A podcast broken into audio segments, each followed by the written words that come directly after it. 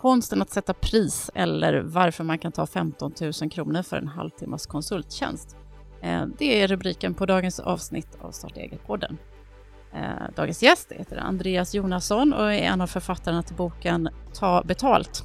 Och han jobbar som konsult inom just prissättning och marknadsföring på företaget Simon Kucher och Partners. Och det är ett världsledande företag inom prissättning som finns i 25 länder runt om i världen som jobbar med många av världens absolut största företag. Nu kör vi!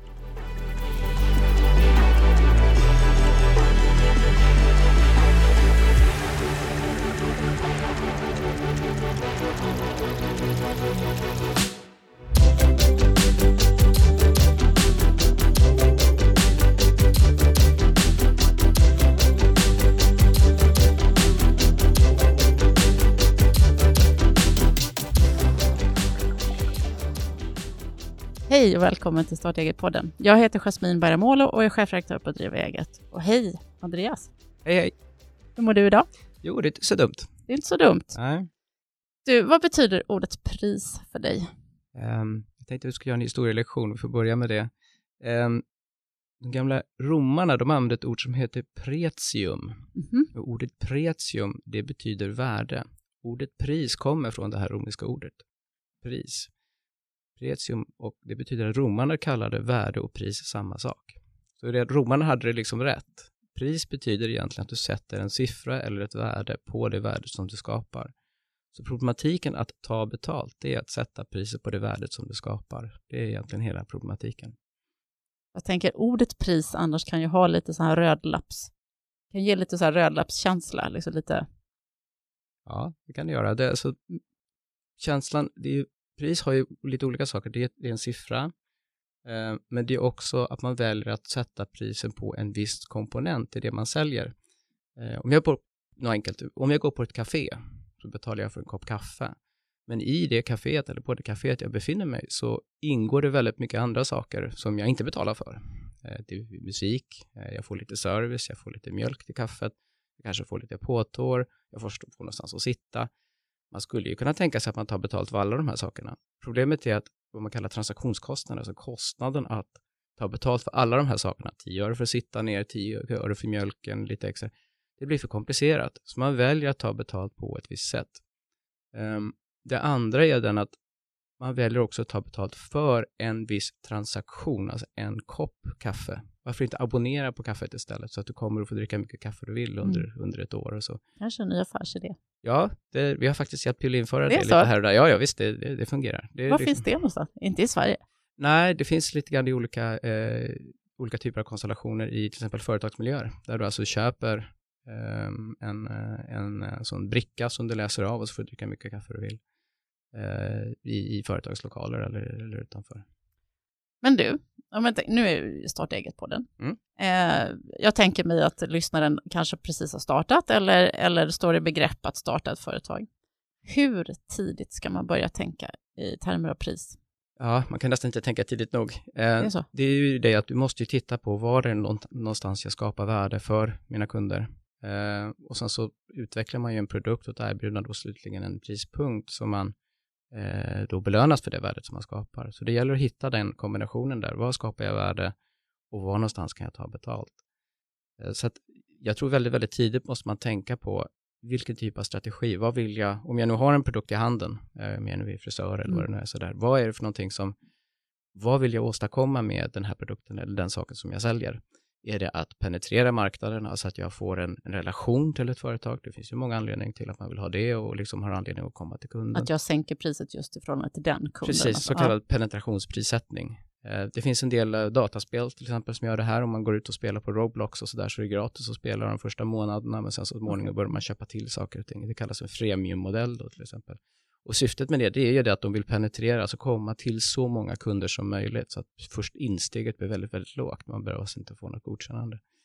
Eh, det är en modell, men det kanske inte funkar för alla. Om jag säljer väldigt stora, dyra saker som har höga kostnader, till exempel lastbilar eller någonting sånt där, så väljer jag säkert en annan strategi. Man måste tänka på vad är min strategi i första steget egentligen? Och hur vet jag att den strategin som jag utvecklar, den prismodellen som jag utvecklar här är en bra modell? Ja, då måste den tillfredsställa det här. Jag vill ha nå så många kunder som möjligt eller vill jag tjäna så mycket pengar per produkt som möjligt eller vill jag tjäna så mycket pengar över en cykel som möjligt? Eller vill jag ha så hög marginal som möjligt? Mm. Alla de här frågorna måste man ställa sig ganska tidigt, men det behöver inte vara så svårt. För att när man läser er bok Ta betalt mm. så, så inser man, herregud vad många typer av priser det finns. Det är ju en, alltså, det är en djungel. För det är ju helt galet och så någonstans så tänk, för först tänker man sig, ja men det kan ju inte finnas så många sätt och sen så känner man det, jo det finns mm, fler sätt än man kan drömma om. Ja, fast det finns bara tre sätt att göra fel när det kommer till pris. Du kan ta för mycket, du kan ta för lite eller också kan du ta betalt för fel sak. Det är egentligen de tre felen man kan begå. Men sättet, precis som du säger Jasmin, så är det ju så att man kan ta, göra väldigt ja. många fel in, inom, inom, det, ja. inom det spektrumet. Eh, men vi har ju, jag ja, tänkte att vi skulle gå igenom lite saker som man ja, kanske du, skulle tänka på. Ja, det var en tiopunktslista. Ja, man sätter ett pris. Jag är ju konsult trots allt, så jag måste ju ha någonting att hålla mig i. Ja, det är jättebra. Ja, men vi börjar med strategin där man kommer på hur ska jag sköta, ska jag tjäna pengar lite grann, vad är den grundläggande, hur känner jag igen en bra prisstrategi? Det andra är den att man ska rikta in sig på ett segment av marknaden, alltså en viss typ av kunder som man vill adressera. Hur vet man det liksom, från första början? Måste man veta det? Jag, jag, tror att det är en kombination av var man befinner sig, kanske vilket nätverk man har, vilka typer av kunder man känner till, kanske den kunskap man har av närliggande branscher. Till exempel om jag har jobbat i säkerhetsbranschen under många år så är det säkert köpare av säkerhetsprodukter som, som du kanske börjar med att konversera med, även om det kanske är en, en mjukvara som du säljer. Um, så det är en blandning mellan värdet som du skapar för kunderna och säga, passformen till det du själv kan. Jag tror att det är en ganska bra en ganska Vad bra menar du med det? Passformen till det jag själv kan? Jo, alltså du har ju en, eh, som jag sa, om du har till exempel ett, eh, ett nätverk eller om du befinner dig på en ort, så det är ganska bra om du, om du nu råkar bo i, i Falun, så kanske du börjar med kunder i Falun mm. istället för att åka ner till Malmö hela tiden. Eh, den typen av pass är egentligen det som man skulle behöva titta på. Eh, och där gäller det att hitta en rätt kombination och rätt storlek på segment också. Är segmentet för stort så är det lite svårt att differentiera sig, det finns konkurrenter och så vidare. Och är det för litet så ja, då, då är inte marknaden så stor att det kanske att du tillfredsställer mm. tillräckligt stort värdebehov att kunna tjäna pengar på det. Så det är nästa steg, det är liksom steg två, segmenteringen då. då. Eh, den andra, det är den grundläggande delen, det är vilken typ av modell, alltså hur ska jag tjäna pengar? på, på det jag säljer. Och, och där brukar jag ibland komma in på vem säger att en liter bensin ska prissättas per liter? Varför ska det göra det? Eh, det är en ganska, jo. Varför, vad är alternativen som du ser? Ja, alltså bensin är ju ett energiinnehåll. Så att du har egentligen en viss mängd energi som ligger per liter. Problemet är att den mängden energi inte är samma sak i alla bensin, för det beror på vad temperaturen är på bensinen. Det, mm -hmm. det, det kan svänga ungefär 10 procent eller någonting sånt där. Så, så sommaren, att om jag tankar på en station så kan jag få köra kortare sträcka än om jag hade tankat? Bensinen sväller ju, ja. så att det är ett lägre energiinnehåll på sommaren än vad det är på vintern. Å andra sidan är ju bensinen då kallare, så du måste värma upp den innan du, innan du kör med den. Men det är bara den saken gör ju att det kanske inte är så där himla bra att prissätta på det sättet. Men tar man ett steg tillbaka, ytterligare längre tillbaka, så tänker man, men vänta nu, är det egentligen energiinnehåll som jag är intresserad av när jag är ute och åker bil? Mm. Nej, utan jag vill ju åka från A till B. Så ska man då inte istället prissätta bensinen från att ta sig från A till B? Eh, och då kan man också fundera på, ja men A till B, vad betyder det? Jag transporterar ju faktiskt en bil. Biltillverkare pratar om att det är 35% effektivitet och så där i motorerna. Det är det inte alls, för att bilen är den största massan som du flyttar på från A till B. Egentligen är det bara du som vill ta det från A till B. Bilen bryr sig inte om var du befinner dig.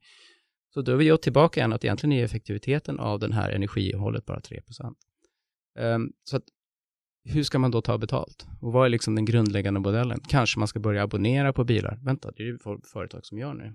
Och då bör man röra sig in i, eh, ska vi säga, en innovativ sfär där du på grund av att vi har blivit bättre och bättre att mäta, bättre sensorer, bättre övervakning, eh, mobilsystem och sådana saker, så har vi nu plötsligt börjat mäta på nya punkter. Tillbaka till kaféet. Nu kan vi verkligen välja att ta betalt på olika sätt för musiken i högtalarna eller när man sitter ner eller sådana saker på grund av att sensorerna och sättet att mäta har blivit så himla mycket bättre. Men kan sensorerna se om jag tycker att musiken är dålig, att jag helst skulle vilja att de stängde av den? Ja, det kanske du kan göra. Varför inte? Det, finns ju vissa ljuddämpande hörlurar som ja. du säkert kan få låna om du vill. Eh, men vi ger ett annat mer praktiskt mm. exempel som är väldigt spännande. Vi jobbar idag med ett lampföretag. Och det här lampföretaget, de har kommit på ett patent som gör att man upplever eller, eh, ska vi säga, känner olika saker. Till exempel man blir glad för viss, viss ljusstyrka, det vet alla. Vissa färger får en att må på ett sätt eller ett annat sätt. Det här företaget, de har kommit på att man har en annan upplevelse av smärta vid vissa ljus, vid en viss ljusintensitet och en mm. viss typ av färg. Vad är värdet av det? Vad kostar en sån glödlampa? Är det egentligen per glödlampa? Alltså... Ja, precis. Det, precis. Det betyder att medicineringen kan bli mycket mindre, folk kan komma ut från sjukhuset mycket snabbare, produktiviteten, om man nu kan kalla ett sjukhus för produktivitet, ja. då kommer man ut snabbare och man mår bättre. Så vad ska man då ta betalt för? Ska man betalt, ta betalt för glödlampan? Eller måste man inte där titta på en helt annat sätt att prissätta den här upplevelsen? Och klarar bara av att mäta den, då är det egentligen bara en fråga om att diskutera med kunden. Så att man, Jag tänker, om man tänker då på det du var inne på från början, att pris är samma, betyder värde då. Så är det just hur, hur liksom hittar man nivåerna för värde? För värde för en person kan ju vara ett helt annat för en annan person. Mm, det är riktigt. Och, och då, där finns det lite olika skolor. Vi är inne på segmentering, så vi har redan delat upp eh, personerna lite grann mellan varandra. Jag har redan passerat den här punkten egentligen. Ja, det är inte säkert, för att inom, inom ett segment, inom en viss typ av kundgrupp, så finns det ju olika betalningsvilja, som vi kallar det. Eh, och där kan man börja titta då, då kommer vi in på nästa steg egentligen, det är paketeringen. Så vilka typer av paket ska jag erbjuda till samma kundgrupp?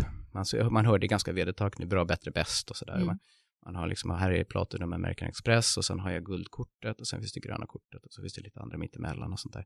De adresserar ju olika betalningsvilja för den här tjänsten och så ingår det då olika saker i det här paketet som man väljer att ta. Men det är baserat utifrån en betalningsvilja Eh, det andra sättet som man kan paketera på, som är det näst vanligaste skulle jag säga, det är att man har en så kallad funktionell paketering.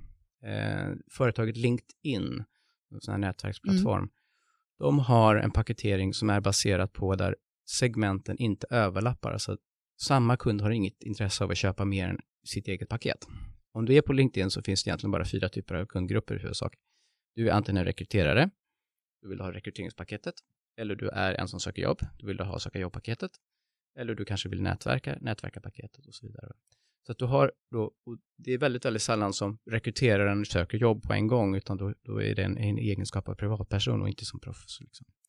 Så att det gör att den här paketeringen, där funkar inte bra, bättre, bäst. Du kan inte slå ihop alla fyra och säga att nu tar jag mer betalt Nej. för dem. Och det är vad vi kallar ibland det största problemet, det största felet som många företagare gör, att de har identifierat en strategi där man kommer på ett sätt att ta betalt. Men sen när de kommer ut och ska sälja sin produkt, då knallar de in alla saker de kan komma på där och lite till ibland. Eh, och lite fri service och sånt där ovanpå och installation och så. Och så ger de det till ett ganska lågt pris till en början för att de vill komma in på marknaden. Då händer två saker. Det ena är den att det här paketet är ju då överfyllt med jättebra saker som kunden kanske inte förstår att de behöver.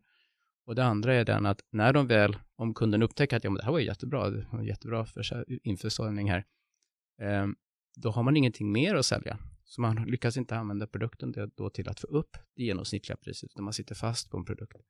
Och det andra felet som händer, det är ju den att kunden säger, men du, det, var ju, det funkar jättebra din produkt, jag är jättenöjd med den, men alla de här äh, två, tre andra sakerna som du har stoppat in här, rekryterarpaketet och jobbsökarpaketet, jag, jag behöver inte dem. Kan inte du ta ut dem så kan vi sänka priset lite grann. Så att, att vara väldigt stolt över sin produkt och liksom stoppa in lite för mycket, det är ett väldigt, väldigt vanligt fel som, som vi ser att, att uh, nyföretagare gör. Det här det tangerar lite en grej som jag pratade med eh, Petra Brask som också är effektivitetsexpert, när hon, mm. sa, när hon pratade lite om hur vi, när vi upplever stress och att vi har så mycket att göra, så här, att vi istället för att ta reda på vad, vad förväntas av oss, så går vi in och överlevererar. Mm. Därför att vi tror att, att vi har en förväntan på oss som egentligen inte stämmer överens med den faktiska. Är det lite samma sak här? Man, man tenderar att överleverera för att man tror att kunden ska bli jättenöjd, men kunden är egentligen inte intresserad av hela det där stora paketet. Nej, det är ju det. Uh, att man alltså, man utgår ju då lite grann utifrån sig själv. Uh, det är väldigt viktigt att förstå kunden uh, i det här. Eh, om kunden vill ha en viss sak utförd så vill de inte ha mer, de vill inte ha mindre. Eh, och levererar du mer då, då har du faktiskt levererat någonting som kunden inte har beställt. Eh, sen kan ju kunden vara väldigt nöjd och säga att det var jättebra att du, att du levererade så där många timmar, att du jobbar så sent och så där, eller oj vad fint det blev och att du la till det där. Men å andra sidan så sätter du då en förväntan att nästan varje gång du levererar så ska, ska det minsann ja. vara så ändå. Vi pratade ju lite innan bara här och då sa du att för ni har ju hjälpt McDonalds att sätta pris på sina paket. Mm. Och då tog du ett exempel med kaffet. Jag tyckte det var lite kul. Kan inte du berätta det? Jo, vi, jobbar med, med, vi har jobbat med svenska kaffeautomater, alltså på, för, på, på, på företags eh, kaffeautomater. Jag tänkte på McDonalds-kaffet. Ja, McDonalds-kaffet? Ja, ja, du sa att de, de har petat in det i paketet. Ja, just det. Det här är den typiska paketeringen, ja. Mm. Um, ja, eh, det här är ju väldigt enkelt. Vi kallar det bundling då, eller bundling theory. Uh, och där ser vi att det, är en ganska lätt metod. Den kallas maxdiff, om man slår upp om man vill. Uh, det är den när man tittar på, det finns egentligen tre typer av saker som man stoppar in i ett sånt här paket. Det första är ett ledarpaket, till exempel en hamburgare om man nu mm. vill gå till McDonalds och äta mat. Sen finns det då fillerdelar och det är alltså saker som fyller upp paketet för att de delarna skapar ett mervärde till totalen. Eh, I det här fallet då till exempel pommes frites och en läsk eller sådär. Det, det, blir då ett paket och det kallas Big Mac-meny för segmentet eh, som köper Big Mac-menyer och, och liksom, vad heter den, Kindermeny eller vad heter den? Barnmeny ja. Eh, för, för barnsegmentet. Och de är funktionella paket, de överlappar inte. Eh, och det betyder att du har alltså en, en, en Big Mac-meny och en Kindermeny. Vad är det för någonting som inte ingår i den här. Eh, och det är ju då till exempel glass eller kaffe eller, eller någonting annat. Varför ska man inte ha med kaffe? Det, det finns ju de kunder som vill ha kaffe till sitt, jag vill ha det efter maten. Men det är vad vi har sett, det är en så kallad killer och det är tredje kategorin och det är alltså produkter som en liten del av det här segmentet eller den här kundgruppen vill ha, men vill väldigt gärna ha. Eh, och det gör att de andra kunderna som säger, ja men du, jag är inte så jätteförtjust i kaffe, kan du inte ta ut det i paketet och då tycker jag att, att då, är, då borde du kunna sänka priset. Precis. Ja. Det betyder att det här är en killer, det sänker det upplevda värdet för kunden eh, snarare än att det höjer det. Och det är det som vi sett väldigt många företag gör, att de stoppar alltså in alldeles för mycket saker i sina produkter eh, istället för att lägga på dem som extra eh, och kunna tjäna mer pengar senare. Och paketera, men håll lite på krutet. Ja, jag tror att det kan vara ja. en bra, bra beskrivning. Visst, vad har du på nästa, som nästa punkt? Ja, så nu när vi är inne här då, då har vi kommit på vad vi ska paketera och ställa fram framför kunden. Vi vet hur vi ska tjäna pengar. Eh, vi ska tjäna pengar per månad eller vad det nu kan vara. Sådär, va? Eh, och nu har vi ett paket här som vi har slagit ihop. Då är frågan, hur mäter jag då det här? Är det per liter som är bensinens mm. fråga? Eh, om jag säljer däck till exempel, ska jag ta betalt per däck? Då är vi tillbaka till den A och B-konversationen. Jag, jag är inte så intresserad av däck om jag köper däck. Utan jag är intresserad av vad de där däcken gör. Ehm, det finns bolag som tar betalt per kilometer för sina däck till exempel. Michelin har en produkt idag, så de mäter helt enkelt med hjälp av sensorer igen förmågan att, okej, okay, hur långt kan den här bilen köra? Varför är det en bra idé? Jo, för att om jag kommer på ett däck som går 20% längre än, än ett vanligt däck, det finns ingen kund som accepterar en 20% höjning på däckspriset. Vad ska jag betala så där mycket? Ditt däck är väl ett däck? Men däremot om man tar betalt per kilometer så kan du nu plötsligt ta betalt för det mervärdet som du skapar. Det är lite samma argument som ett välkänt diskmedelsmärke använder också hela tiden i sin marknadsföring. Att det räcker till så många diskar. Precis. Ja. Men det är ju ganska svårt ändå. Det är säkert ett jättestort dilemma för dem att de, att de förmodligen inte kan ta ut hela den där värdestegringen i formen av, uh, i formen av ett högre pris. Mm. Det, det, häller alla på lika mycket diskmedel oavsett. Ja, det, det, det kan mycket väl vara fallet som jag då kanske. mm, så det är, också, det är alltså steg fem då i det här och det är att man alltså tittar på metriken som det heter. Vad är det för någonting jag ska mäta på? Um, och det här... Är det så... lätt att mäta det då? Jämt? Eller går det att mäta på alla? Nej, det gör det inte. Men det, tjänster måste ju vara helt hopplöst att mäta på. Ja, det är därför som väldigt många bolag sitter fast i en timprissättning. Det är egentligen ingen bra modell konsulttjänster eh, ska man ta betalt per timme där egentligen. Vi mäter ju inte i kilon liksom, men det är också tillbaka till den här problematiken att det är ganska lätt att mäta och det är kopplat till viss mån till kostnaderna som det är att ha i och med att man har en form av mm. månadslön eller timlön och sådär. Så det är ett väldigt enkelt och ganska låg risk problematik, alltså att du hela tiden har ändå en positiv marginal när du prissätter. Men egentligen som konsult så skulle man egentligen basera på värdet man skapar för kunder och ta en andel av det. Problemet är att det är väldigt svårt att mäta och man kanske inte är överens heller hur man ska mäta det där värdet när man är klar med projektet. Ni har ju en jätte, ett jätteroligt exempel med en konsult som lyckades ta 15 000 för en halvtimmes jobb. Mm. Ja, är det dyrt? Eller är det, är det ja, men billigt? precis. Det låter ju hiskeligt vid ja, första anblick. Det här är min medförfattare Herman Simon. Han är dessutom grundare av, av Simon Kocher som grundade företaget för 30 år sedan nere i Bonn. Um, och han uh, skulle ha hjälp av, jag tror en skatterådgivare i det här fallet, som uh, sa det att ja, en, uh, han, han försvann iväg och återkom en halvtimme senare med en lösning på Hermans skatteproblem och skickade en faktura på 15 000 kronor eller om det var 1500 mm. euro tror jag det var. Och Herman sa, jaha, men det här var ju väldigt dyrt, du har ju bara jobbat en halvtimme. Men vad är nästa bästa alternativ? Ja, det är den att man anlitar en, en konsultbolag som sitter och jobbar kanske ett par timmar med det här. Eh, eller kanske en dag eller två eller tre. Ett helt team som jobbar med det och då kommer fram med lösningen. Så vad den här konsulten gjorde var att han baserade på värdet snarare än kanske då antalet mm. timmar mm. eller kilon som man, som man säljer. Eh, typiska exemplet Mona Lisa, värdet på Mona Lisa mäts ju inte i antal kilo färg. Så att det, det är liksom det här att om man kan upp, det upplevda värdet är det som faktiskt gäller. Precis, det upplevda värdet, det skriver ni om i boken och det tyckte mm. jag också var så här som, eh, någon sån här sak som fastnar extra mycket just att det är så mycket psykologi i det där också, att det måste inte vara ett faktiskt värde egentligen, Nej. utan att mycket handlar bara om vår upplevelse av... Göra en bra ja. Ja, ja det, det, det är väldigt viktigt. Um, alltså det, man kan ju kalla det nästan, Ikea är ju nästan baserat på det där, att det är känslan av att göra en, bra affär är betydligt mycket viktigare än priset i sig. Eh, vi jobbar till exempel med bensinpriser ute i Europa. Vi har det exemplet i boken. Eh, bensinpriserna och cigarettpriserna för den delen i Luxemburg är betydligt mycket lägre än vad det är i länderna runt omkring Luxemburg, mm. Tyskland och Frankrike och sådär. Det är högre beskattningar på bensinen där. Och det gör att de har också bland världens största bensinstationer. Det finns stationer som säljer 250 miljoner liter i, i, i Luxemburg. Hur stor befolkning har de i Luxemburg? Ja, en bra fråga. Det är 300 000 ja. någonting sånt där. Och det betyder att här har vi alltså folk som åker milsvida för att åka och tanka billigt. Man åker upp ganska mycket bensin om man åker mm. 10-15 mil. Så det är liksom känslan av att göra en bra affär. Likadant som norrmän som åker över till, till Sverige för att köpa godis och läsk och sådär. Det är liksom den här upplevelsen, åh vad billigt det är. Hela Viking Lines koncept var väl uppe på det en gång i tiden. man liksom skulle ha, man, det var liksom att nu åker vi, åker vi och shoppar billigt. Eh, så att den, den känslan ska man inte underskatta och det, det, är ingenting fel i den. Ibland så tycker man att vad dumma konsumenterna och sådär. Men det är liksom den, den positiva upplevelsen att åka iväg till sådana här storhandlare och sådana saker, den, är, den kan ju vara lika positiv som att tycka att nöjet är att gå ut och shoppa fina kläder också. Mm. Ja, var det är vi någonstans? Är vi på punkt fem, kan det vara så? Ja, eller punkt sex till och med. Punkt det är nivån.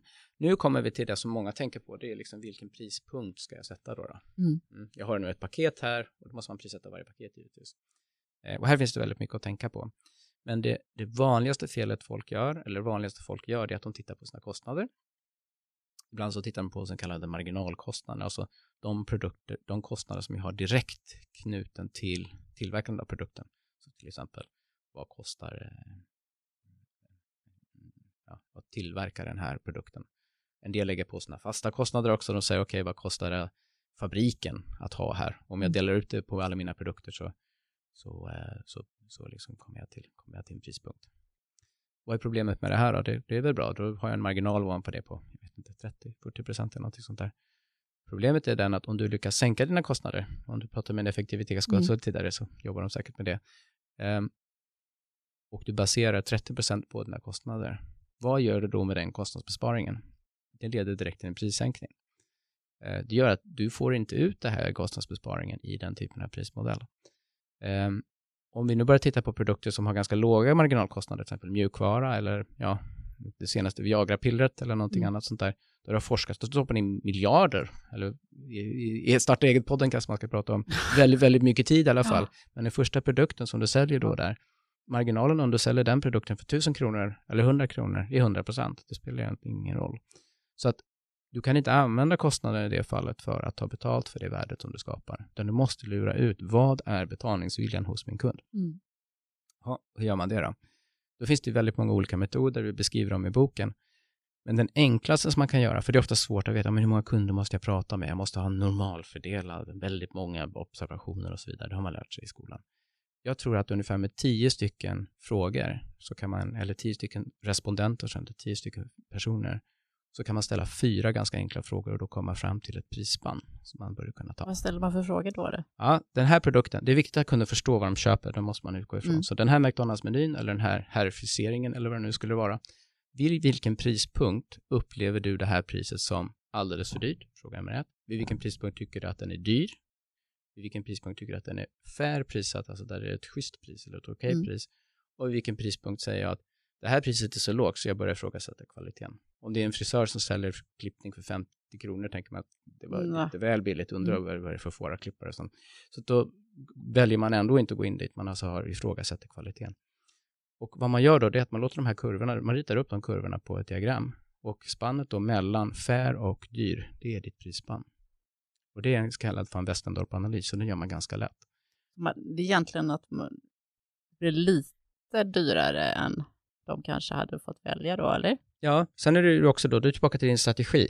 Vill jag penetrera, vill jag alltså ha väldigt många mm. kunder, då ska jag lägga mig på fair-punkten.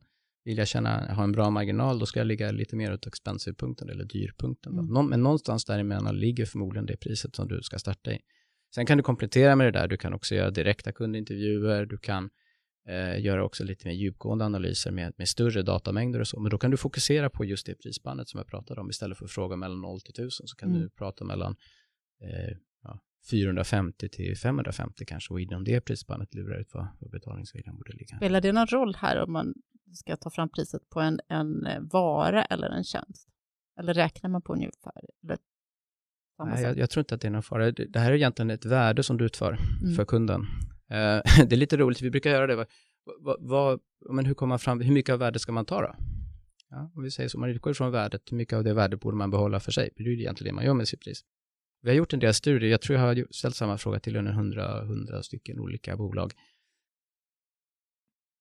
Och vad de säger det är att någonstans kring 26 procent hamnar man alltid. Ungefär en fjärdedel av det värdet som man skapar utöver det näst bästa alternativet brukar vara ungefär vad man ska ta. Så om du skapar 100 000 kronor i kostnadsbesparingar hos din kund, då borde du ungefär kunna ta 26 000 kronor för besväret. Okay. Ganska bra tumregel. Mm. Mm. Eh, och det brukar också accepteras av kunderna, alltså att de behåller den större delen. Eh, men då pratar man ändå om värdet som man skapar, inte hur många timmar du har lagt ner på den där, tillbaka till konsulten. Mm. Eh, då kan du ta 26 000 kronor för, för den där konsulttimmen om du sparar 100 000 hos din kund.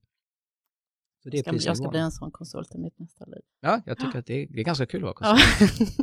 um, det nästa delen, nu har vi pratat om priset, så nu har vi alltså en prispunkt här, vi har en paket. Alltså, det, var, det var de fyra frågorna, just det. Ja. Just det ja. Så nu är vi tillbaka här, nu, nu har vi kommit alltså fram till punkt sju här på vår, mm. på vår resa och det är ju kommunikationen av pris, alltså hur ställer jag nu fram mitt paket eh, och hur kommunicerar jag mitt pris till kunden?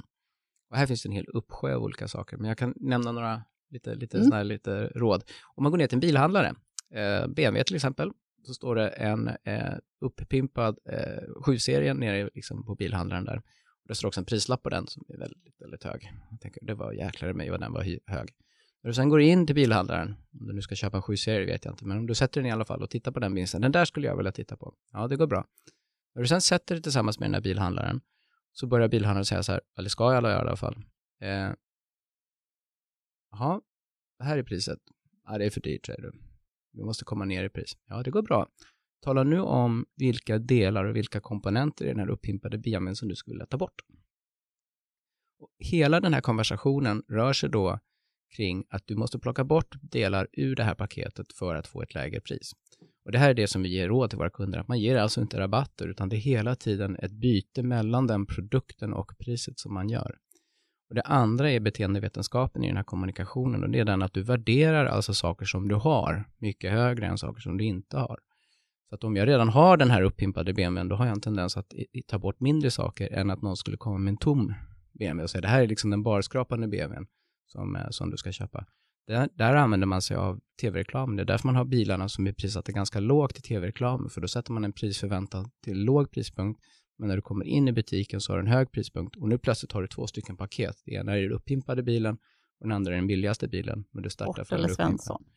Ja, om Svensson är lägsta så är det, stämmer det.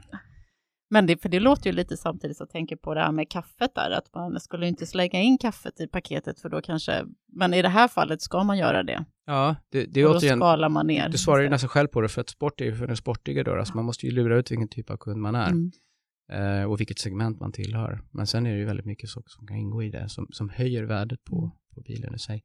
Sen är det sådana här saker som att du behöver använda eh, vad vi kallar versionering, alltså att du har eh, alltid minst tre alternativ. Det brukar vara det som folk kan. När jag är ute och föreläser så är det det som folk vet. Det är den att man, man tenderar att välja mittenalternativet av saker och ting. Mm. Man, man väljer liksom det, Eh, det, det näst billigaste schampot, men aldrig det billigaste. Så skjuter, lägger man då till ytterligare ett schampo så tenderar folk att vandra uppåt i den här skalan och köpa mer av, eh, liksom gradera upp sig, man vill ju fortfarande inte ha. Så att ha två schampoflaskor i, i butiken, det är inte speciellt bra, för då tenderar folk att ta det billigare men introducerar en dyr, en kallad decoy-produkt, mm. alltså en produkt som folk kanske inte ens vill köpa. Och, den så, och det, det skriver det ni också om i boken, att man kan ställa dit någonting som är svindyrt, som man överhuvudtaget inte har för avsikt att sälja egentligen. Ja. Som bara är till för att man ska tycka att de andra alternativen är mer prisvärda. Ja, visst. Det är så. Eh, vi jobbar med Pradas klänningar likadant. Om du, du, går på Heathrow eh, i London, så jag tror Terminal 5 som har en Prada-butik, där står det en jättedyr klänning i fönstret som förmodligen bara Paris Hilton har råd att ha på sig, eller hon kanske får den gratis.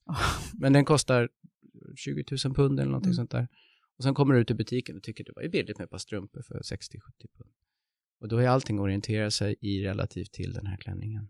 Det här är faktiskt, förlåt, ja. det här är faktiskt någonting som vi också rekommenderar man använder sig av när man förhandlar. Om man förhandlar om lön till exempel det här är också det typiska felet som många arbetstagare gör. Att man, enligt den eko vedertagna ja. ekonomiska eh, teorin så är det den att man ska inte tala om vad man själv är beredd att jobba för, utan man ska vänta ut så att arbetsgivaren ger det första budet. Så tänk om man säger för lågt. Tänk jag hade kunnat få mer i lön. Ja, precis. Ja. Hur säkrar man det då? Ja, du säger en helt orimlig siffra. Du säger att jag skulle ha fyra miljoner om året, tio veckors semester eh, och sen... Tre företagsbil. Ja, och, och gratis företagsbil. Och, och, och för, telefonabonnemang. Alla arbetsgivare säger nej, du är inte klok, det, det, det, det, så kan du inte, så går inte. Nej, okej, vad tycker du är en rimlig siffra? Vad vi har sett i beteendet, då går priset upp. Den lönen som du lyckas få ut är 20% högre, bara inom det greppet. Det är alltså en förankringsmetod. Människ, mänskliga hjärnan är plastisk, det betyder att man formerar sig kring saker som man har sett tidigare. Eh, och då har du redan nu satt, med den uppimpade BMW, med den låga och höga priset har du redan satt spannet för förhandlingen. Men alltså man kan ju få, du, rätta mig om jag har fel, men Richard Thaler fick ju eh, Nobelpriset i ekonomi här för ett par år sedan. Mm. Och det är väl lite inne på det här som han håller på med, med nudging och sånt där, mm. beteendeekonomi. Men jag tänk, man, man får ju lite känslan av att vi som människor är rätt korkade. Att vi inte har förmågan att särskilja vad det här då faktiska värdet i förhållande till det upp, alltså att vi går på massa av de här grejerna. Är det ja, bara sådana vi är? Nej, jag, jag, tror att det här är faktiskt en del av vår överlevnad. När, när man är ute och går på gatan så tänker man inte höger, vänster, höger, vänster, utan man, man har liksom ett sätt att standardisera sin beslutsprocess. När vi, eh, när vi jobbade med ett parkeringsföretag här i Sverige så eh, kom vi fram till det att vad folk var minst vad de, vad de ville göra, liksom vad som var viktigast för dem i upplevelsen av eh, den här parkeringsappen som vi jobbade med, det var den att de ville inte hålla på att tänka. De ville inte hålla på att ägna och tänka sig och försöka förstå saker och ting, utan de ville att det skulle fungera väldigt enkelt. Mm.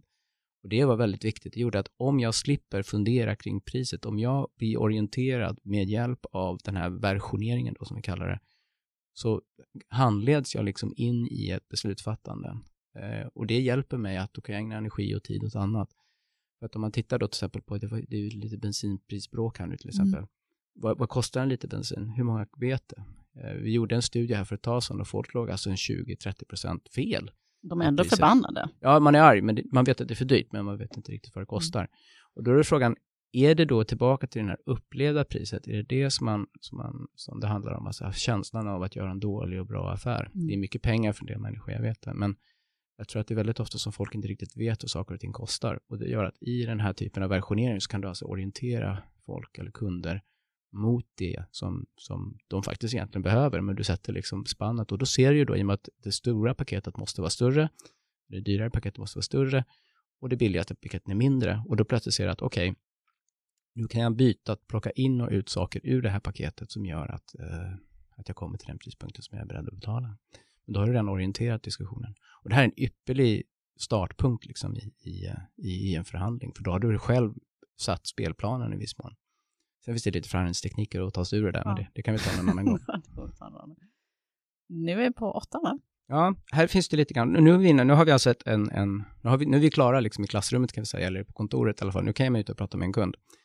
Och det finns egentligen två saker som ingår i åttan, ska vi säga, och det är den värdeargumenteringen. Hur förklarar jag värdet som är skapat till min kund? Det är jättemånga, framförallt ingenjörsföretag, som tänker, de pratar gärna om hur fort någonting snurrar eller hur, hur många komponenter det har eller någonting sånt annat. Eh, vi jobbade, vi var eh, jobbade för en underleverantör till Åhléns vid tillfälle och jag pratade med säkerhetschefen där och han sa att du, jag har fem stycken bolag som jobbar inom den branschen som din kund och jag har 25 stycken varuhus. Så jag har 5 gånger 25, jag har 125 stycken olika företag som kommer och försöker sälja lösningar till mig och de pratar om sina tekniska lösningar. Jag har, ingen, jag har inte möjligheten att, att uh, titta på det här. Kan inte du bara tala om för mig, vad är det för paket jag behöver? Hur ser den lösningen ut? Och hur mycket värde skapar det relativt till den andra? Och det är det som är liksom den här värdeargumentationen. Du behöver sätta dig ner och kvantifiera egentligen hur mycket värde det skapar för din kund. Det behöver inte vara i kronor och ören alla gånger. Det finns ju väldigt många andra saker man kan mäta på också. Men du måste ha en kvantifierbar mängd som du sen knyter an till ditt pris. Tillbaka till de 26 procenten då blir det enklare att säga så här, okej, okay, vi skapar 100 000 kronor i värde för dig över tre år. Okej, okay, det betyder att vi tar 26 procent av de 100 000 över en period av tre år. Då har du plötsligt en modell som knyter väldigt mycket an till det värdet som du skapar och då är problematiken egentligen bara att mäta det. Och det, den andra delen inom sälj, om man nu lyckas övertyga kunden om att jaha, så här mycket värde ska det skapas, då är det alltså hur fördelar vi den här kakan mellan oss då? då? Och det är hur man värdeförsvarar, alltså hur man talar om för kunden att ja, det här är de delarna som vi kan plocka ut i min uppimpade BMW och här är de delarna som, som eh, och, det, och det leder till ett lägre pris helt enkelt. Men att man aldrig, det vi pratade om tidigare, det blir inte en av fallgroparna kanske, att man tenderar att ge bort rabatter gratis. Gör inte det, försök undvika att ge bort gratis utan att ha någonting i retur. Men det där just med, det där är ju någonting som det pratas jättemycket om inom, eh, inom handeln överhuvudtaget. Liksom. Ja. Just att det, det, med alla de här storhelgerna och det är Black Friday och allting, det, plötsligt så är det bara reapriser. Ja. Eh, och man ska förhålla sig till och det är ingen egentligen som räknar med, med vad är ordinarie pris längre i allt det här. Och som, Nej Eh, när man läser er bok också, där man pratar om, om, listpriser, där får man också en känsla av ett listpris. Ja, men det är bara, och det skulle man kunna se ibland som ett hittepåpris, för det är ju, vet du sjutton om det är någon som pratar, eller betalar det priset. Nej, det sen kommer man in och dealar i alla fall. Liksom. Ja. Så jag tror att det är många som skulle nog tycka att det var ganska skönt om man lämnade rabattträsket. Ja, det, det, det skapar, det är ju faktiskt ett ganska märkligt beteende, för det, det skapar inte värde för vare sig kund eller, eller säljande partner. Liksom, Man känns alltid säljer. lite halvbelåst. Ja, alltså den, den känslomässiga upplevelsen av köpet är kanske inte lika bra, men ja. jag, tänker, jag tror att folk har blivit bättre utbildade i det här också, känner igen det ger. Jag jobbar idag med företag som håller på med konsumentprodukter, där 80-90% av deras produkter går på rea. Mm. De säljer nästan aldrig till ordinarie pris. Och då bör man fråga sig om de har en prisstrategi överhuvudtaget, om det finns någonting som gör att de mm. behöver, behöver sätta de där grundpriserna eller om de egentligen bara helt enkelt behöver tänka om hur de de jobbar med sin prissättning från början. Eh, så det, det, det, är helt riktigt. Så det här värdeförsvaret, alltså vad är det för någonting man argumenterar, hur försvarar man värdet för den här produkten? Och sen våga att gå ifrån en affär. Det är ganska svårt. Eh, men att göra det och säga så här, det här är den nivån som jag rimligtvis mm. tror att jag borde kunna ta och det här är den nivån som jag faktiskt inte gör en affär på. Och den, om du då lyckas hålla dig kvar vid den nivån så, ja, ibland förlorar man affärer, men marginalen är ju så mycket högre. Säg att du gör 10 affärer och du har en marginal på 10 procent. Ja, om du då sänker priset med ja, 20 procent av de här 10 procenten, då måste du liksom sälja, måste du göra många fler affärer innan du får tillbaka de här pengarna som du har gett bort. Så att det är just den här att du, att du har ett pris som du verkligen håller dig vid också och går bort ifrån. Mm. Det är jätte, jätteviktigt. Och man gör det innan förhandlingen. Och är man en grupp, om det är lite större förhandlingar, man kanske jobbar med en, en partner så där man tillsammans sitter och förhandlar, då måste man komma överens som grupp vilket, Innan man kliver in där. Ja, det är väldigt lätt att man tenderar att eh, förhandla bort varandra. Annars får man värdera kanske olika komponenter olika mycket i, i de här paketen. Jag tänker också att det kan bli lätt att bli lite smickrad för att någon faktiskt är på väg att säga ja. ja. Och att man tappar bort sig där då. Men mm. där, där skriver ni också mycket om just det här med vinstmarginalerna. Hur, hur stora, som det verkar som att man underskattar lite hur stor skillnad det kan göra om man sänker priset några, bara några procent, att det kan göra så otroligt stor skillnad ja, i vinstmarginalen sen. Ja, visst. Och vi, vi ställer, det här är storföretag jag fel på det här. Vi, vi, vi gjorde en online-studie för, jag tror det är två år sedan nu, där vi ställde frågan, okej, okay, hur mycket mer måste du sälja? Om du har 10 i marginal och sänker priset med 5 hur mycket mer måste du sälja då för att liksom få igen det där? Och det är förvånansvärt hur många som hade fel på den frågan. Du måste alltså dubbla din försäljning. Mm. Uh, och, och, det, ja, det, alltså det, det, är ett fel som många gör, ett räknefel som folk gör väldigt, väldigt ofta. Det är väldigt viktigt att tänka på det. Så att, ja, kostnads, kostplussen vi kallar prissättningen är ju inte, kanske, man ska kanske inte basera priset på det, men du måste veta vid om, det inte fin- om betalningsviljan ligger långt under det, då ska du nog tänka på att leta efter ett nytt segment eller kanske Mm. sälja en annan produkt. Så det var punkt åtta då. då. Eh, sen har vi lite grann över kursen, det är egentligen beteendevetenskap det också, men det är en, vad vi kallar en upsell eller crosssell. Då. Och det är den här att, jag vet inte, vi pratade om att lägga pussel förut här. Ja, liksom- innan vi startade. Ja, ja precis. Det, det, det är lite grann åt det hållet, va? att man, man, man tycker om att, att bli klar med det där pusslet. Saknas det två bitar i pusslet så blir man nästan, man, man blir lite irriterad där, ute på landet, det där pusslet som Det känns ju hade. tusen bitar och två är borta. Det är, det är ju förstört. Ja, man plockar ihop det då direkt, man, annars låter man det ligga framme lite som en trofé och sådär. Liksom.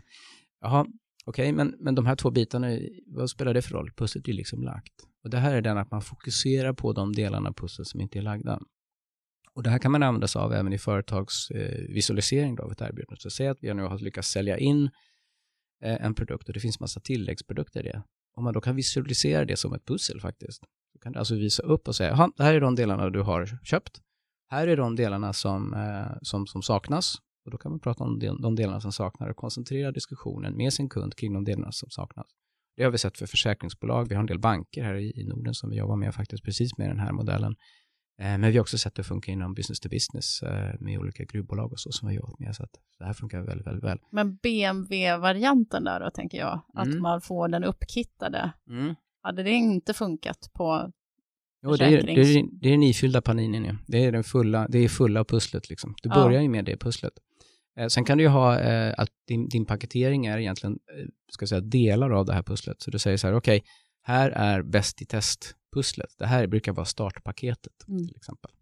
Nyföretagarpaketet. Så där. Det, det är sådana saker som man kan börja. Det är de här bitarna. Sen kan du ju alltid välja att lägga till bitar senare. Men då visar Men- att det finns liksom ett Men större att just spann. själva den visuella bilden, Ja. eh, den går in på ett annat sätt än att någon bara berättar. Ja, det är väldigt, väldigt Mm. tydligt verktyg så där som, som, som man, man kan använda sig av. Eh, den sista delen, det är någonting som andra företag också har väldigt svårt för, det är att man har, gör prishöjningen en del av liksom DNA i det man jobbar med.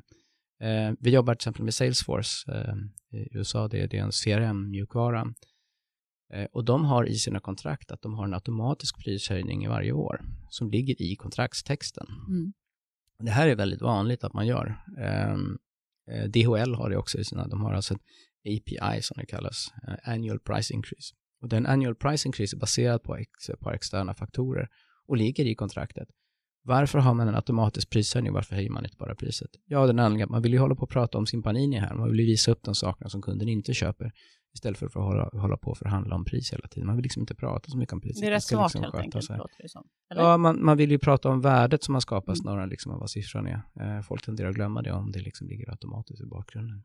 Så det är egentligen tionde steget då, att, att du, gör en, du hittar en form hela tiden för gradvis höja ditt pris. För dina kostnader kommer förmodligen inte sjunka, så att du behöver hela tiden ha automatisk prishöjningar. Men är, är företagare, tror du, rädda för att höja priset? Ja, det, det, det är alla. Det, det är svårt att göra det. Det är Ja. väldigt svårt att aktivt höja priset. Men, Ehm. men, men då tänker jag också med på förväntningar. Man förväntar sig, förväntar man sig att man ska få skit för att man höjer priset och så, att man då ska kunna dra sig tillbaka. Men kanske inte blir den reaktionen. Kan det vara så? Eller? Det första, vi jobbar ju med prishöjningar också för Mm. företag. Det är väldigt vanligt att man behöver göra det. Råpris, rå- råmaterialpriser går upp till exempel. Vi tittar, jag, har, jag skrev en, eh, en insändare för något tag sedan. här. Vi tittar på eh, råvarupriser går upp på grund av miljöförstöring och sådana saker. Det har ju varit väldigt varmt i sommar Mm. så att vissa råmaterial har gått upp i pris. Hur skickar man vidare den prishöjningen då till marknaden?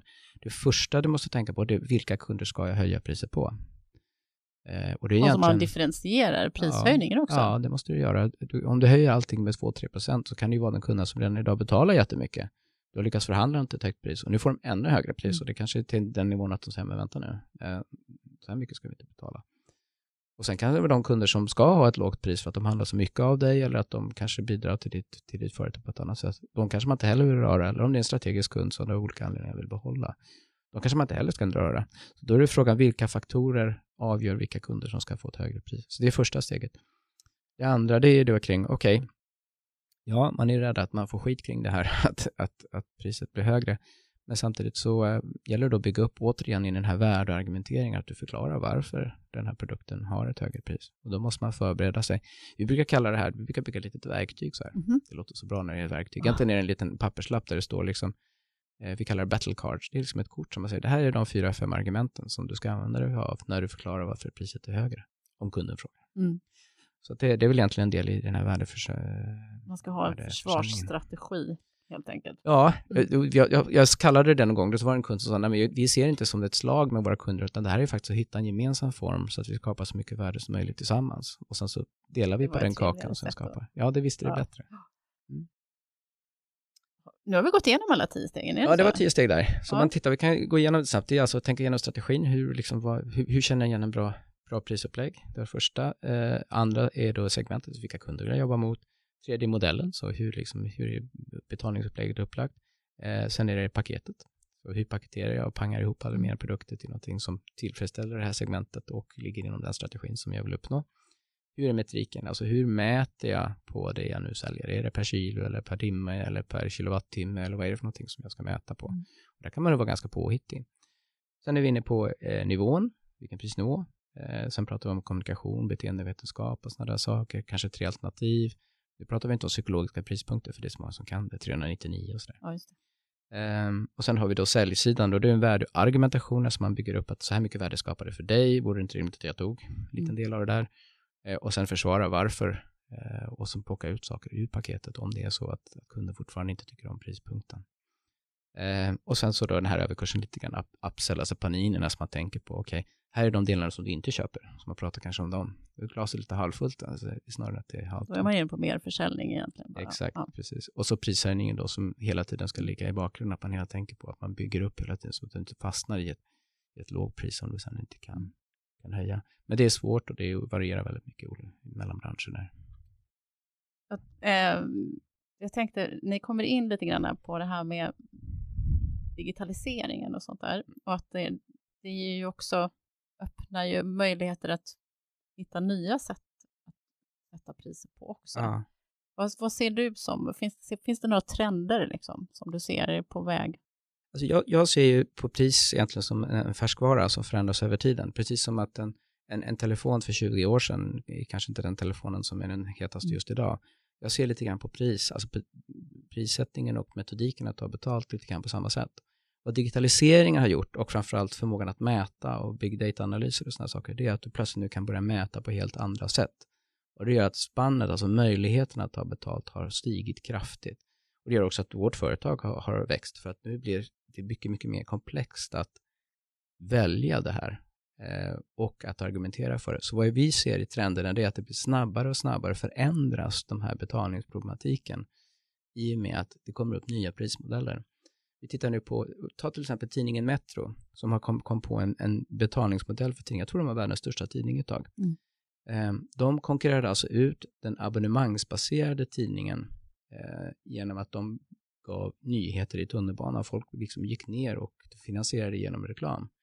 Idag så gick väl nästa Metro i konkurs, jag tror de har blivit en helgtidning nu, på grund av att konsumtionen av nyheter är en helt annan. Men egentligen tillfredsställer de samma behov och det är den att folk sitter med sina telefoner nu i och med att det är täckning i tunnelbanan. Här är alltså tre olika sätt att ta betalt som liksom har föråldrats gradvis. Eh, och det, det är någonting som jag ser generellt med digitaliseringen att, att det här bara ökar. Man ska, måste vara helt enkelt lite vaken här. Det går inte att sitta fast i gamla prissättningsmodeller. Nej, precis. Och, sen, och det ställer nya krav på säljstyrkan också, sättet att sälja. Man, man kan inte längre, man är liksom inte den här tekniska säljaren som pratar om hur fort någonting snurrar, utan man går ut och förklarar varför tar jag betalt på just det här sättet? Varför är det knutet till värdet jag, jag skapar mm. för dig? Och det betyder, det ställer helt mycket, mycket högre krav egentligen på, på säljstyrkan än vad det gjorde, vad det gjorde förr. Så säljarna kanske framöver är psykologer? Ja, det behöver man nog vara. Det, ja, man behöver man vara. Man behöver i alla fall ha väldigt bra koll på varför man, man man, företaget tar betalt på ett visst sätt. Man kan inte bara säga att alla andra gör det för att det hjälper inte. Man måste koppla det då och förklara, länka det till mm. värdet då som skapas. Spännande. Men du, vi ska avrunda, men mm. innan, innan vi hamnar där så har jag bett dig att, att ta fram lite så exempel på fallgropar som man inte ska trampa i. Ja, då hade jag ju förberett mig lite grann. Ja. Så jag, jag tänkte att det är fem saker, nu har vi kommit in på dem lite grann, men vi kan gå igenom det dem. Ingenting. Det här är de fem vanligaste sakerna som, som vi ser. Det första är då det här att man är väldigt stolt över sin produkt. Vi kallar det så kallad feature shock, alltså man stoppar in alldeles för mycket. Och då pratar vi här eh, att man är noga med att sortera det. McDonalds-menyn. Mm. Vad är det för någonting jag säljer? Vilka saker höjer värdet på mitt paket som jag erbjuder? Och vad är de här sakerna som faktiskt är kaffe till menyn? Vilka saker ska jag ta bort? Jag kan sälja kaffe ändå, men jag ska inte göra det som en del i den produkten som jag ger bort. Mm. Feature shock, första felet. Det andra delen att det är en tendens att säga one size fits all, alltså att man har alltså ett paket för alla kunder, oavsett om det är en, en kund som springer ut i skogen och hugger ved, och, eller om det är en frisör, eller om det är en privatperson, samma paket. Det är också ett vanligt fel som företag gör. Här behöver du alltså ett paket per segment, alltså per kundgrupp som du jobbar mot, så behöver du ett erbjudande. Eh, och det är också något som vi ofta ser, att man liksom bara har ett enda erbjudande. Som Då kan det, kommer- skulle det kunna vara egentligen 12 olika erbjudanden. Ja. man, om man har en sån segmentering. Ja, men återigen då, då kommer det till komplexiteten. Kunderna vill inte tänka, så då, det är ju viktigt att kunden snabbt orienteras fram Mm. till det erbjudandet som den kunden vill ha. Så det, det här är en balansgång. var, var det går, för jag vet att när Richard Taylor var här så, så kritiserade han ju jättemycket med det här med pensions, eh, man ska välja sina egna pensionsfonder och sånt där. Eh, för att det var för många. Mm. Eh, och så att det är omöjligt att ta ställning till flera hundra olika Mm. val. Så här, var går gränsen? Vid sju. Nej, det, det, det, faktiskt är det så. Det, det, jag, tror att, eh, jag, jag tror att det kom från försvarsstudien när de tittade på stridspiloter. Hur många faktorer kan en person rimligtvis tänka på samtidigt? Och då stannar det ungefär vid sju, så vid åttonde systemet så blir det liksom orimligt. Eh, Men det, det betyder det betyder, du kan ju fortfarande ha mer än åtta paket liksom. Det är bara det att den kunden som du ställer antal paket, då måste du veta, ja, då måste du redan ha försegmenterat den här kunden. Sju är ganska mycket. Vad Taylor skulle göra i den här miljön, det är att han talar om så här, det här är bäst i test. Om du går på Elgiganten och, köper en TV, som jag gjorde för några år Mm. sedan, så fick jag lite eh, nudging som det kallas Ja. av, av säljaren. Jag, jag ville ha den där TVn, jag visste mycket väl vilken TV jag ville ha. Han sa, jo den där är bra, men den här är bäst i test. Men den kostade tusen kronor mer. Ja, Det var lite svårt att, att avvika från stora massan som tyckte att det var bäst i, bäst i test. var du nöjd sen? Ja, den funkar. Jag har gett den till min syster nu som Ja. hon sitter och tittar på tv. Eh, det andra är den att det är inte svårt att sätta den här prispunkten. Man tenderar att titta på sin, sina kostnader och så lägger man på en marginal. Man kanske tittar lite grann på vad, vad kostar det ungefär och så där. Det är inte svårt att gå runt och fråga åtta, tio personer med en kallad, man kan man skriva ner, van Westendorp-analys. Så man Mm. tittar på vilka av de här fyra prisfrågorna hamnar jag på? Vad är då det rimliga prisspannet som jag, som jag skulle kunna ha betalt? Så det är egentligen då fallgrupp nummer, vad är vi på? Tre. Och det är den att det där är inte svårt. Det andra, det pratar vi också, ge aldrig gratis rabatter. Ta alltid någonting i gengäld. Ett trix är om man ändå känner att ja, men jag måste nog ge någonting här för att stänga affären. Då säger man okej, du får den här rabatten, men då måste du tacka ja den här veckan. Det är också Just det, det någonting där stressmomentet. Ja. Där är det många som kör med så här, nu är vi på två resor kvar, bara två hotellrum kvar. Ja, ja, ja. ja Hotels.com är ganska duktiga Ja. på det där. Just nu är det 26 andra som tittar på det där rummet. Ja. Eh, Gör det bästa man klickar i den där. Eh, Och sen är det då det sista, och det är egentligen den här problematiken till att ta betalt. Du måste kvantifiera värdet hos din kund. Du behöver förstå kunden, kundens värde, värde som du skapar hos kunden. Det är egentligen det här för att kunna ta ut de här. Om det nu är 26 procent som är en rimligt värde och det är för att kunna ta betalt. Det är det sista. Du måste alltså satt dig ner och kvantifierat det här på något sätt. Eh, annars är risken att du tar för låga priser. Perfekt. Mm. Men så toppen att ha dig här, jätteroligt. Mm. Eh, så tack till dig Andreas Jonasson. Eh, även tack till eh, Rikedomspodden för att vi fick låna er studio. Lyssna gärna på våra två andra poddar också, Business Hacks och Ordinary People Who Do Badass Things. Du hittar dem där du hittar poddar eller på driveget.se. Nu lyssnar vi på lite musik från Soundream. Tack för idag.